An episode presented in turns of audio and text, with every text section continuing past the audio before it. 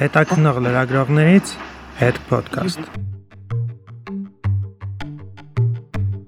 Բարև, դուք լսում եք հետ podcast-ը, ձեզ հետ ինչպես միշտ Սամսոնն եմ։ Ես հանդիպել եմ բժիշկ ալերգոլոգ իմունոլոգ Սևան Իրիցյանի հետ եւ նրան տվել եմ հանրությանը հուզող COVID-ի հետ կապված մի քանի հարց։ Պարոն Իրիցյան, ողջույն։ Առաջին հարցս որ կարծում եմ շատերին է հետաքրքրում, որքան է տևում պատվաստանյութի ազդեցությունը, որքան ժամանակ կարող ենք մեզ պաշտպանված համարել։ Շնորհակալություն հրավերի, շնորհակալություն ուշադրության համար, որ թեմային ու ինձ եք հրավիրել։ Ընդհանրապես իմուն համակարգը այնպես է աշխատում, հա, աշխատանքի սկզբունքը այնպես է, որ մի կողմից փորձում է այդպես մաքսիմալ էներգարությունավետ աշխատել, մյուս կողմից էլ պետք է արագ արձագանքի հնարավոր կրկնությունների ժամանակ։ Այսինքն մի կողմից դա նշանակում է, որ ուղակի իմուն համակարգը չի կարող հավերժ արտադրել ինչ որ տեսակի հակամարմիններ, որոնք որ մեզ պետք չեն գալիս ու բնականաբար կան մեխանիզմներ, որոնք որ ճնշում են դա ինչ որ ժամանակ հետո սկսում է հակամարմինների քանակը իջնել Դա կախված է եւ սկզբնական ազդակի ուժգնությունից եւ տեսակից, ազդակի ազդման ճանապարհից, այսինքն դա օրինակ ներշնչել ենք, ներարկվել է կամ այլ ձևով են կոնտակտ ունեցել։ Դրանից կախված ազդակի ուժգնությունը եւ տևողությունը հիշողություն կոչվածը կարող է փոխվել։ Բայց մյուս կարևոր հանգամանքը ազդակի հետ կապված դա թե ինչքան հաճախ են դրան հանդիպել։ Այսինքն վաղուց ոնց որ հայտնի է, եթե մեկ անգամ կրկնվեց ազդակը, այսինքն մեկ անգամ իմուն համակարգը հանդիպեց ինչ որ օտար սպիտակուցի, ապա կվերցնի, կմշակի, կպատրաստի հակամարմիններ դրա հանդեպ, դրանք կդնի մի կողմ, երբ որ խնդիրը լուծվի։ Քիչ քանակությամբ հիշողության բջիջներ կպահեստավորվեն օրգանիզմում, սակայն ինչ որ ժամանակ հետո դրանք իրենց ակտուալությունը կորցնելու են եւ ինքնավոչնչանան։ Հետևաբար դա այդ էֆեկտը երկարացնելու համար կարիքա երկրորդ անգամ կոպտ ասած ստիպելով հանդիպեցնել, հա։ Այստեղ արդեն գալիս ենք այդ պատվաստումների մտքին, որ կարելի է այդ օտարացին սպիտակուցը ինչ որ ձևով ներկայացնել օրգանիզմին, օրգանիզմը դա կճանաչի, կարտադրի հակամարմինները, կձևավորի հիշողության T ու B բջիջները, այսինքն եւ հումորալ եւ բջջային մասը կապահովի, Եվ եթե մենք ուզում ենք, որ այդ հիշողության բջիջների քանակը մեծանա, ինչ որ ժամանակ հետո պետք է կրկնենք պատվաստումը։ Դրանից հետո քանակությունը կմեծանա, ինչ որ ժամանակով դա օրգանիզմը նորից կապահովագրի։ Կոնկրետ COVID-ի հետ կապված անցավ ինչ որ ժամանակ, ճապեցին բարբերաբար հա այդ կլինիկական փորձարկումների ընթացքում հակամարմինների քանակ տեսան, որ 6 ամիս անցնելուց հետո պատվաստանյութերի գրեթե բոլոր տեսակի պատվաստանյութերի դեպքում արդյունավետությունը զգալի ընկնում է։ Որոշ դեպքերում 50%-ով, որոշ դեպքերում 70%-ով ընդհանուր, եւ դա վերաբերում է եւ բջջային եւ հումորալ, այսինքն եւ հակամարմիններին եւ այդ հիշողության բջիջներին։ Դրանց քանակությունը այլապես պակասում էր։ Ինչի մասին անուղակիորեն փաստում էր նաեւ այն հանգամանքը, որ 6 ամիս հետո հիվանդացությունը եւս կարող է շատ, այսինքն մարդիկ ովքեր որ պատվաստված էին, բայց անցել էր 6 ամիս իրենց մոտ հիվանդության դեպքեր էին գրանցում ավելի հաճախ, քան ենթադրենք մինչև այդ 6 ամիսը։ 6 ամսվա միտքը ինքը իրականում այդպես պայմանական է, օրգանիզմը չկա ինչ որ այդպես թայմեր, ինչ որ հաշվարկ, որ հենց գա ու այդ ժամանակ անցնի, դրան պետք է ինչ որ վերապահումներով մոտենալ, օրերը այդպես չնստել հաշվել ու ասել վերջին ժամկետն անցավ, ես պիտի գնամ նորից պատվաստվեմ։ Ու այդ արդյունավետության անկման ֆոնի վրա առաջարկվեց երրորդ դեղաչափերի կիրառումը։ Այսինքն սա նշանակում է, որ COVID-ի դեմ պատվաստվելը կարող է դառնալ մեր կյանքի անբաժան մասը։ Չէ, իշտապի ասել, որ կդառնա կյանքի մաս, որովհետև երրորդ դեղաչափից հետո չորրորդը միգուցե շատ-շատ ավելի ուշ լինի, բայց մյուս կողմից դա մարտարավեր է, որի հետ ոչինչ չես կարող անել, ժամանակակից բժշկությունը ավելի լավ լուծումներ դեռ չի առաջարկում։ Եվ մյուս կողմից էլ պետք չի երևի շատ այդպես դրամատիզացնել, որովհետև նույն խնդիրը ունեն գրիպի հետ ու ճիշտ է, այս պարագայում դա առաջարկվում է միայն խոցելի խմբերի համար, հիմնականում պետությունը ոնց որ այդ խմբերի համար է ինչ որ չափով ռոպագանդում, բայց բացարձակ նույն վիճակն է ամեն սեզոնին պատվաստում, ամեն սեզոնին նոր ներարկում որը այդպես կարելի է նմանացնել ինչ որ բուստերի, հա, օրինակ երեխաների դեպքում իրենք երկու դեղաչափ են ստանում, դրանից հետո առաջարկվում է ըստ անհրաժեշտության, ըստ ռիսկի խմբի ամեն տարի սեզոնից առաջ պատվաստվել գրիպի դեմ այդ կանխատեսելի տեսակների դեմ ինչպես կլինի այս պարագայում ինչքան կտևի, ինչ փոփոխություններ կկրի վիրուսը, բավական դժվար է կանխատեսել, որովհետև մենք հազիվ հազիվ սովորել ենք կանխատեսել օրինակ գրիպի այդ սեզոնային փոփոխությունները, այն էլ ինչ որ աստիճանով, հա, Դրա համար օրինակ մշտադիտարկում է կազմակերպվում արևադարձային գոտիներում, որտեղ որ գրիպը սեզոնայնություն չունի ու դրանց արդյունքում կանխատեսվում են այն տեսակները, որոնք որ կհայտնվեն հյուսային ու հարավային կիսագնդերում։ ըստ իրենց սեզոնայնության։ Հիմա կ ូវ իդի պարագայում, երբ որ դա պանդեմիա է ամբողջ մոլորակով է տարածված, կանխատեսել թե ինչ նոր տեսակ կհայտնվի, բավական դժվար է բայց մյուս կողմից այդպես հստակ փաստ է ինքը ոնց որ ֆունդամենտալ տեսական մասն է հա կազմում, որ եթե ինչ որ process-ներ այդ հակահամաճարակային այդ թվում նաև պատվաստումը հապահում է, այդպես ոնց որ վիրուսին շանս է տալիս ավելի կայուն դառնալու, ավելի նոր տեսակներ ձևավորելու, որը իհարկե ոչ թե ինչ որ մտածված process է, այլ ուղղակի այն տեսակները, որոնք որ ավելի կայուն են, դրանք ավելի երկար ժամանակ են ունենում տարածվելու ու նորից վտանգ դառնալու ու նորից ստիպելու, որ պատվաստանյութի տեսակ փոխվի կամ լրացիչ այդ տեղաչափեր առաջարկվեն։ Վիրուսն անընդհատ զարգանում է, հայտնվում են ավելի վտանգավոր, ավելի կայուն շտամեր կամ տեսակներ։ Այդ պատճառով շատերը մտածում են, որ պատվաստվելը անօգուտ է, քանի որ այն չի կարող պաշտպանել COVID-ի նոր տեսակներից։ Դե հենց այդ դրանք ոնց որ դասագրքային գիտելիքներ են։ Մի կողմից էվոլյուցիայի մասին, մյուս կողմից վիրուսաբանության ոնց որ հիմունքները, որ միշտ վիրուսները փոփոխվում են եւ դա այդպես ոնց որ պատահականության սկզբունքով կատարվող process է։ Չկա որևէ այդպես միտում, հա, ինչ որ որևէ պլանավորված բան պետք չի այդպես բանով անցալել այդ process-ը։ Ուղղակի դեպքեր այնքան հաճախ են, հա, օրինակ մեկ բջջի ներսում հազարավոր նոր վիրուսներ են առաջանում, մեկ մարդու վարակման դեպքում միլիոնավոր բջիջներ են վարակվում, այսինքն ահռելի մի թիվ է ստացվում այդ դեպքերը,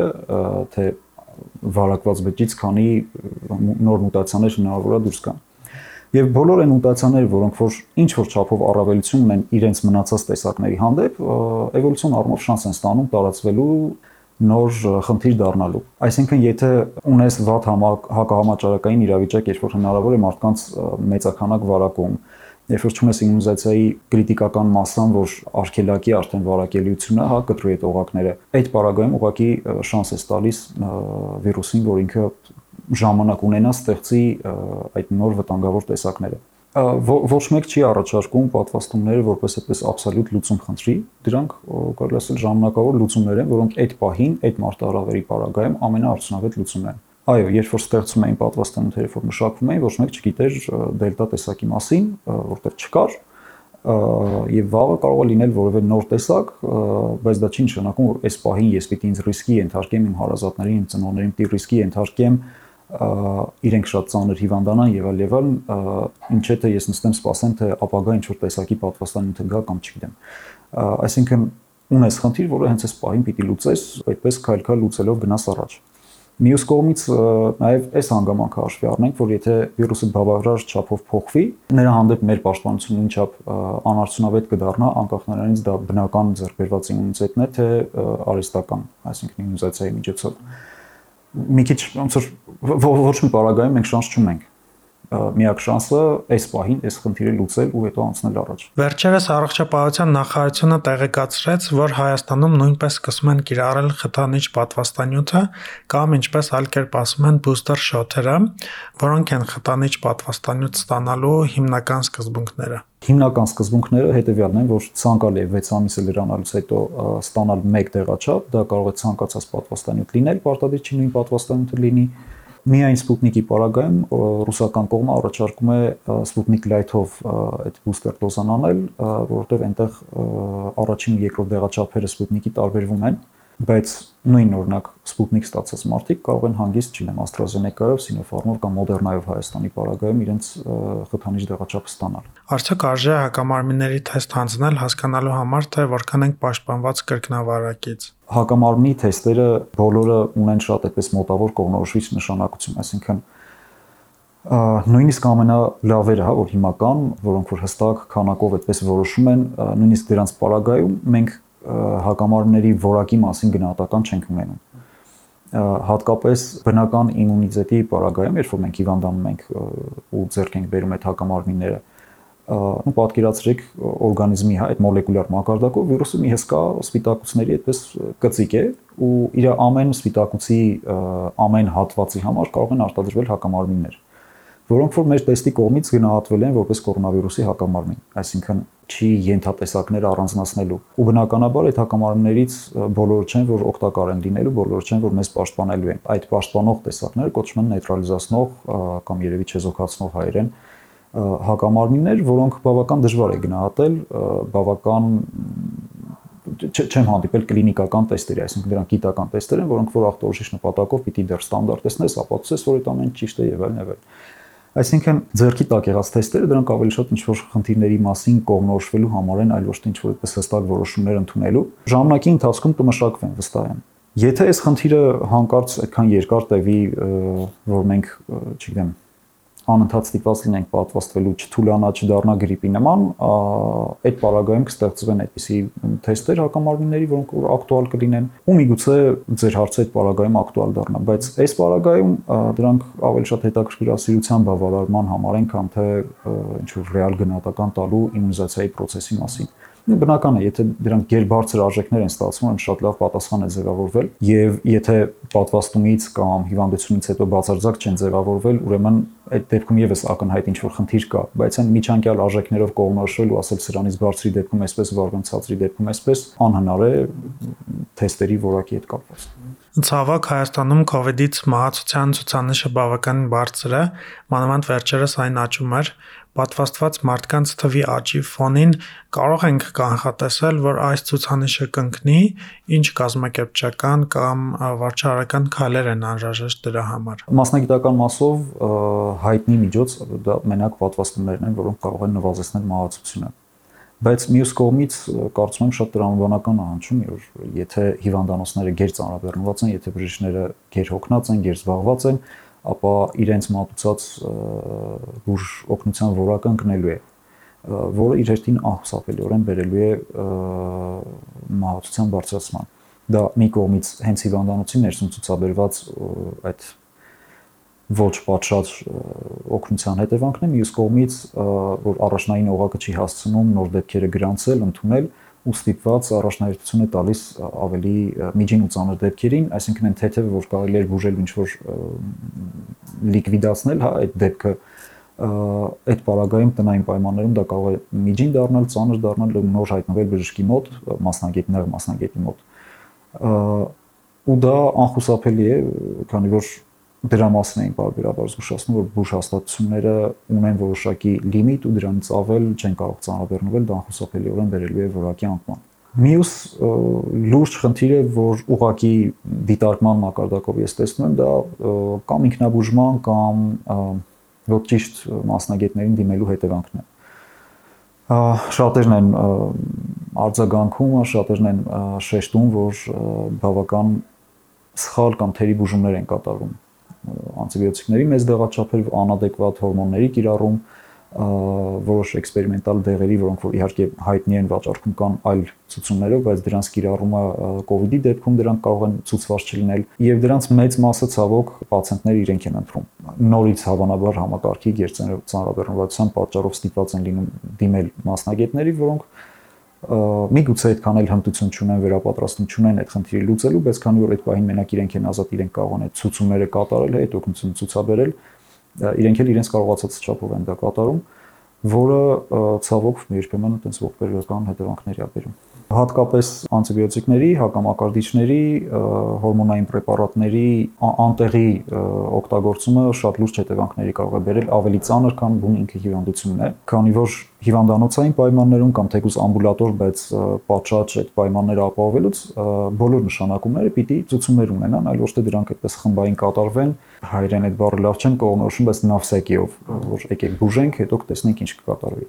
որ հանկարծ որևէ բան պակաս չլինի։ Իհարկե հասկանում եմ, որոշ պարագայում ուղակի անհնար է, չգիտեմ, 3-4 օրը օրից ավելի հաճախ է հանդիպել այդ պացիենտին, որպես այդ դինամիկան գնահատել, հետազոտությունները կատարել, բայց մյուս կողմից էլ պիտի շատ այդպես կշռադատված լինի այդ բուժումը եւ մնացած մնացած քայլերը։ Այդ թվում նաեւ թոքերի ռենտգեն հետազոտությունները, որոնք որ էլի անսահման շատ են կատարվում ու շատ հաճախ անտեղի կամ ուղղակի հետաքրքրասիրության համար տեսնեմ քանի տոկոս է ախտարված։ Աշխարհում ընդունված են եւ կիրառվում են տարբեր հիվանդությունների բուժման պրոտոկոլներ, գործելակարգեր։ Մենք ունենք նման փաստաթղթեր, արդյոք դրանք կիրառվում են COVID-ի պարագայում։ Ունենք տեղական պրոտոկոլներ, ուղեցույցներ, գործելակարգեր, որոնք որ թարգմանված են, հիմնված են միջազգային փորձի վրա, բայց դրան զուգահեռ կուզենայի ասել, որ մեր բժիշկներն էլ այդպես շատ ծանրակշիռ փորձ են արդեն ձեռք բերել, ունենք արտակարգ մասնագետներ, ովքեր որ կարող են հավասարը հավասարին մրցակցել եվրոպական կամ չգիտեմ արևմտյան այլ զարգացած երկրների մասնագետների հետ, քանի որ այդ պացիենտների մեծ հոսքը եւ նաեւ մյուս կողմից պետության բավական շռայլ հովանավորությունը թույլ տվեց բժիշկներին ազատ աշխատել, հետ չմնալ այն տենդենսներից, որոնք որ կային